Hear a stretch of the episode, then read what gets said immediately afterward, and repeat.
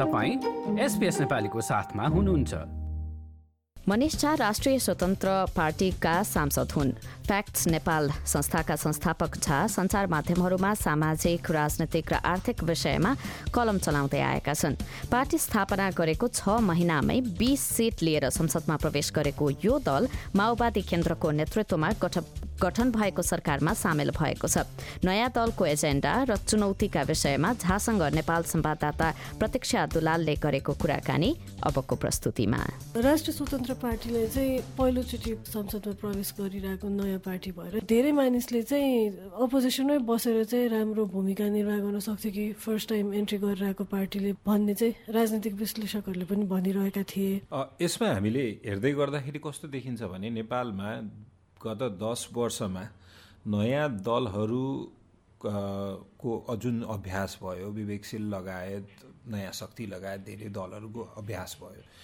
एक किसिमको नयाँ शक्ति वैकल्पिक शक्तिको रूपमा आउने र राजनीतिक अभ्यास गर्ने प्रयासहरू भयो तर सबैजना सफल हुन सकेनन्।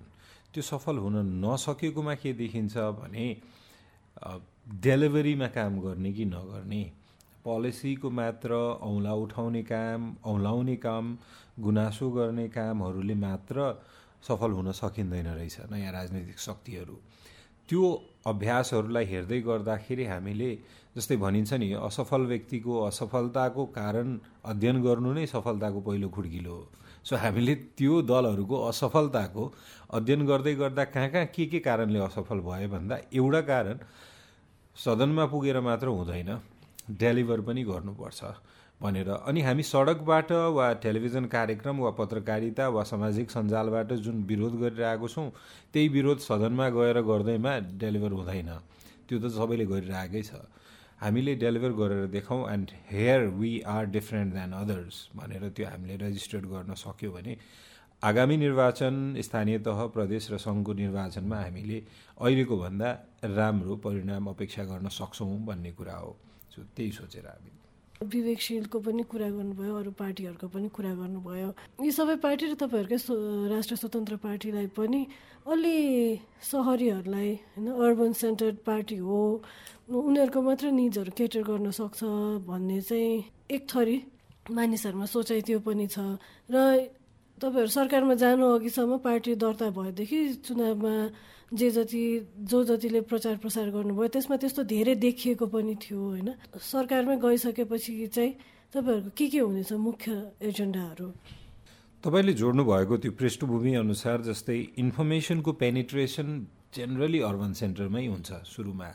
हामीले शपथ ग्रहण अस्ति सांसदको रूपमा म लगायत हाम्रो साथीहरूले शपथ ग्रहण गर्दै गर्दाखेरिको दिन हामी पार्टी स्थापना दिनको ठ्याक्क दुई सय चालिस दिन मात्र भएको थियो। मतलब छ महिनाको दिनमा हामीले शपथ ग्रहण गऱ्यौँ। छ महिनाको दिनमा हामीले शपथ ग्रहण बिसजना सांसदले गर्दै गर्दाखेरि तपाईँले भन्नुभएको जस्तो हो त्यो इन्फर्मेसन चाहिँ सुरुमा अर्बन सेन्टरमा मात्र पेनिट्रेट भयो। तर हामी अर्बन सेन्ट्रिक भोटर्सहरूको मात्र वा त्योसँग मात्र नजिक छौँ कि भन्ने जुन एक किसिमको आशंका छ त्यो आशंकालाई तोड्नलाई पनि त हामी सरकारमा जानु पर्यो कि होइन हामी सबैको लागि सोच्छौँ र सबैलाई सोचेर त्यो अनुसार हामी डेलिभर गर्न सक्छौँ भनेर। सो यो एक किसिमको अपर्च्युनिटी पनि हो हामीलाई। त्यो एक किसिमको हाम्रो बारेमा जुन पर्सेप्सन र पोजिसनिङ छ त्यसलाई चेन्ज गर्ने। यसो भनिराख्दाखेरि चाहिँ होइन तपाईँहरूले धेरै चाहिँ शिक्षा र स्वास्थ्यको एजेन्डा बढी उठाएको जस्तो देखिन्थ्यो। पार्टीकै पुरै प्रचार प्रसार हेर्दाखेरि अनि धेरैजनाले चाहिँ सोचेको पनि त्यही थियो तपाईँहरूकोबाट चाहिँ सुरुमै त्यही हुन्छ होला भनेर होइन? तर त्यसमा चाहिँ अरू नै पार्टीलाई जान्छ भन्ने आइरहेछ अहिले चाहिँ मन्त्रालय। के भन्न चाहनुहुन्छ?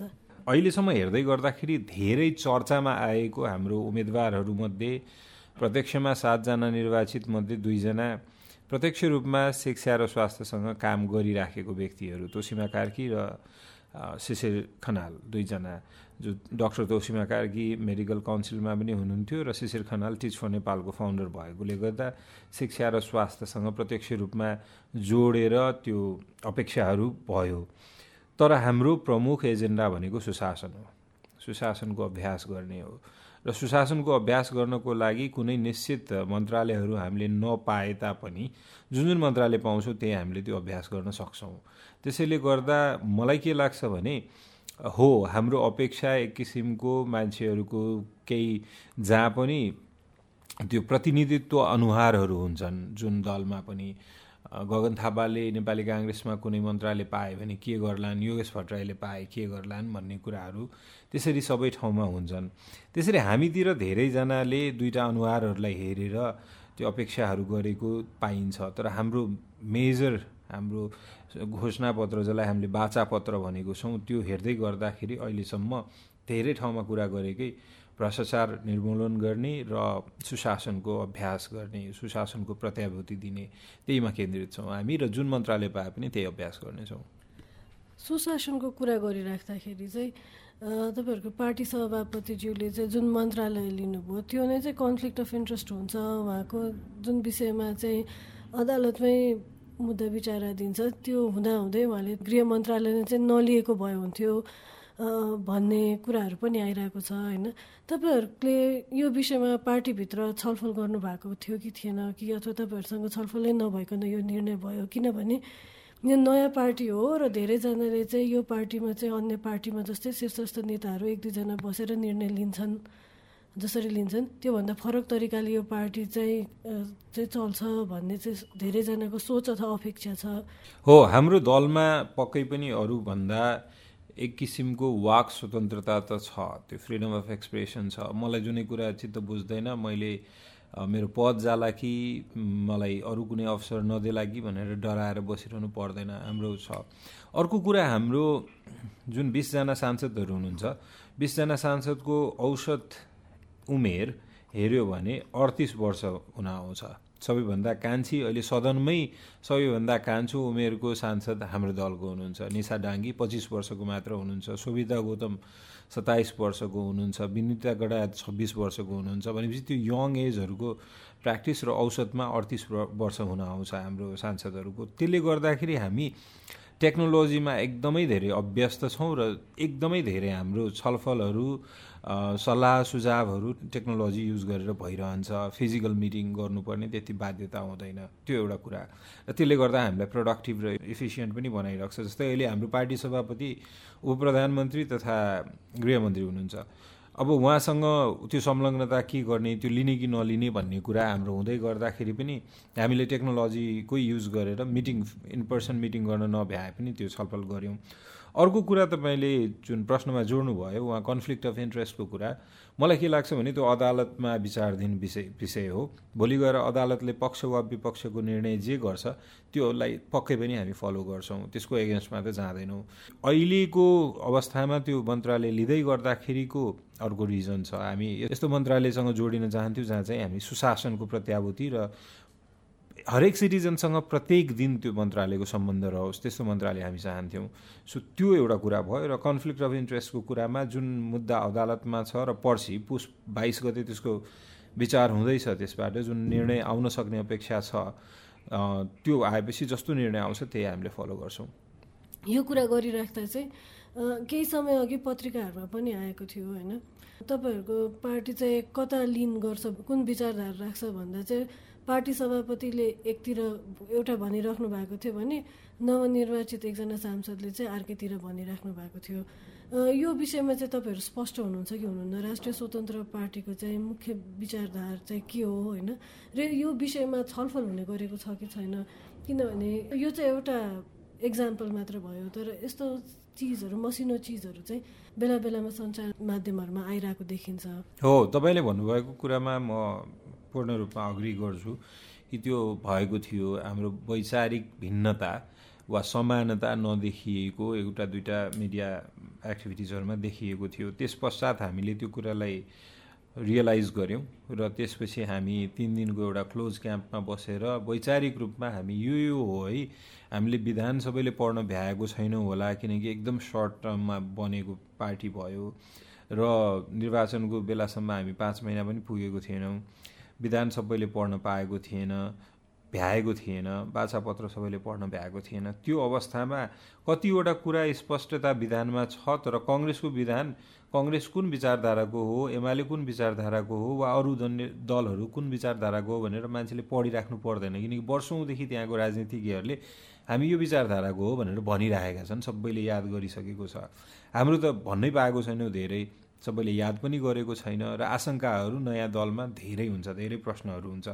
त्यसैले गर्दा हामीले यो बिचमा त्यो स्पष्टताको लागि वर्कसप गरेर हामी संवैधानिक प्रक्रियामा विश्वास गर्छौँ यो प्रणालीमा विश्वास गर्छौँ र हामी लोकतन्त्रमा विश्वास गर्छौँ र हामी इकोनोमिक र सोसल कल्चरल इस्युजहरूमा कहाँ हुन्छौँ राइट सेन्टर टु लेफ्ट हुन्छौँ कि राइट हुन्छौँ भनेर त्यो सबै कुराहरूमा हामीले वर्कसप गरेर त्यो स्पष्ट भइसकेका छौँ अहिले। राष्ट्रिय स्वतन्त्र पार्टीलाई चाहिँ धेरै विदेशमा बसेका नेपालीहरूको पनि शुभेच्छा छ र धेरैले चाहिँ एकदमै किनले हेरिरहेका पनि छन् होइन कसरी काम गरिरहेको छ भनेर।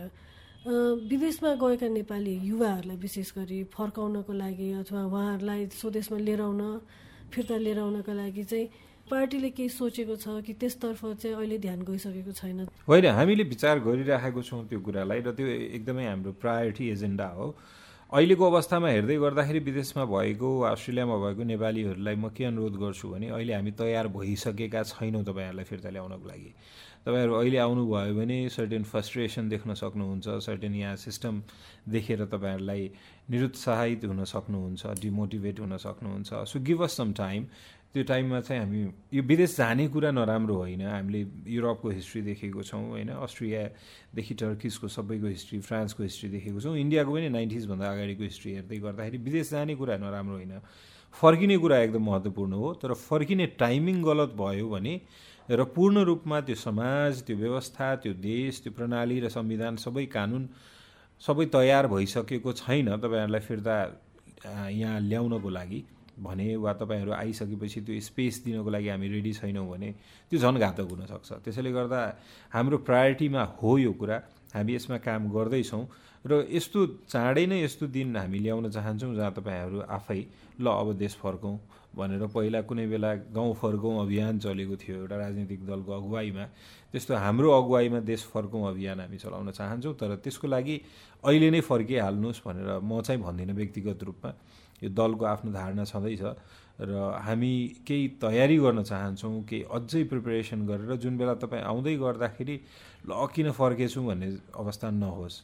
हामी प्राउड मुमेन्ट क्रिएट गर्न चाहन्छौँ अनि त्यसपछि will be happy to have back यसपालि संसदमा राष्ट्रिय स्वतन्त्र पार्टी बाहेक अन्य नवप्रवेशी दलहरू पनि छन् होइन?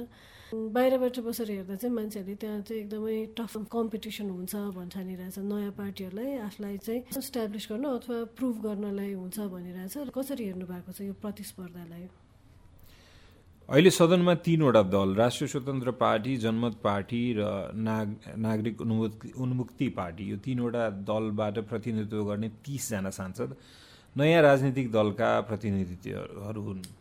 अरू हामीले हेर्दै गर्दाखेरि कतिवटा दल पुरानै तर प्रतिनिधि नयाँ अनुहारहरू पनि हुनुहुन्छ। एक किसिमको लोकतान्त्रिक अभ्यासमा यो सदन सबैभन्दा सुन्दर पक्ष हो र सदनमा विपक्षी र पक्षीको बिच हुने जुन मौन प्रतिस्पर्धा हुन्छ जुन खुलस्त रूपमा एउटा दायरामा बसेर प्रतिस्पर्धा गरिन्छ त्यो एक किसिमको सुन्दर पक्ष पनि हो। तिस तिसवटा सांसद भएको तिनवटा नयाँ राजनीतिक शक्ति जुन सदनमा प्रवेश गरेको छ सबै नयाँ अनुहारहरू लिएर त्यो हामीलाई पनि एक किसिमको हामी अरूभन्दा राम्रो हुनुपर्छ है। हामी जस्तै केही इन्डिकेटर्सहरू हामीले राखेको छौँ। हामीले बाहिर पब्लिकमा गर्ने प्र्याक्टिस र आफूलाई जसरी प्रेजेन्ट गर्छौँ त्यो कुराहरूमा हामी अरूभन्दा सबल र सक्षम हामी सुसंस्कृत हुनुपर्छ भन्ने कुरा अनुशासित हुनुपर्छ भन्ने कुरा अर्को सदनमै एटेन्डेन्सको कुरामा पहिला पहिला हामीले न्युजहरूमा हेर्थ्यौँ। एकदमै एकदमै विक एटेन्डेन्स हुने होइन? त्यहाँ पाँच सातजना मात्र बसेर मोबाइल चलाइराखेको छ सदन चलिराखेको छ त्यस्तो हुने। जसलाई आफू बोल्नु छ त्यो मात्र पुग्ने सुन्नलाई कोही पनि नपुग्ने। सो यो धेरै कुराहरूमा हामी सुधार गर्न चाहन्छौँ र हामी चाहन्छौँ एटेन्डेन्सको कुरा डिसिप्लिनको कुरा अटेन्सनको कुरा प्रिपेरेसनको कुरा यो सबै कुरामा हामी अरूभन्दा जस्तै हेर्नु सदनमा सेसन सुरु भइसकेको छैन। तर आज हाम्रो तिन बजे संसदीय कार्यालयमा हाम्रो दलको संसदीय कार्यालयमा हामीले चाहिँ यो विश्वविद्यालय विधेयकको बारेमा छलफल गर्दैछौँ। भनेको हामी अरूभन्दा उत्साहित भएर त्यो तयारीहरू गर्न चाहन्छौँ। त्यसरी हामी अभ्यास गर्न चाहन्छौँ र तपाईँले प्रश्नमा जोड्नु भएको कुरा पक्कै पनि त्यहाँ एक किसिमको कम्पिटिसन र च्यालेन्ज त भइहाल्छ। लाइक सेयर र कमेन्ट गर्नुहोस्। एसपिएस नेपालीलाई फेसबुकमा साथ दिनुहोस्।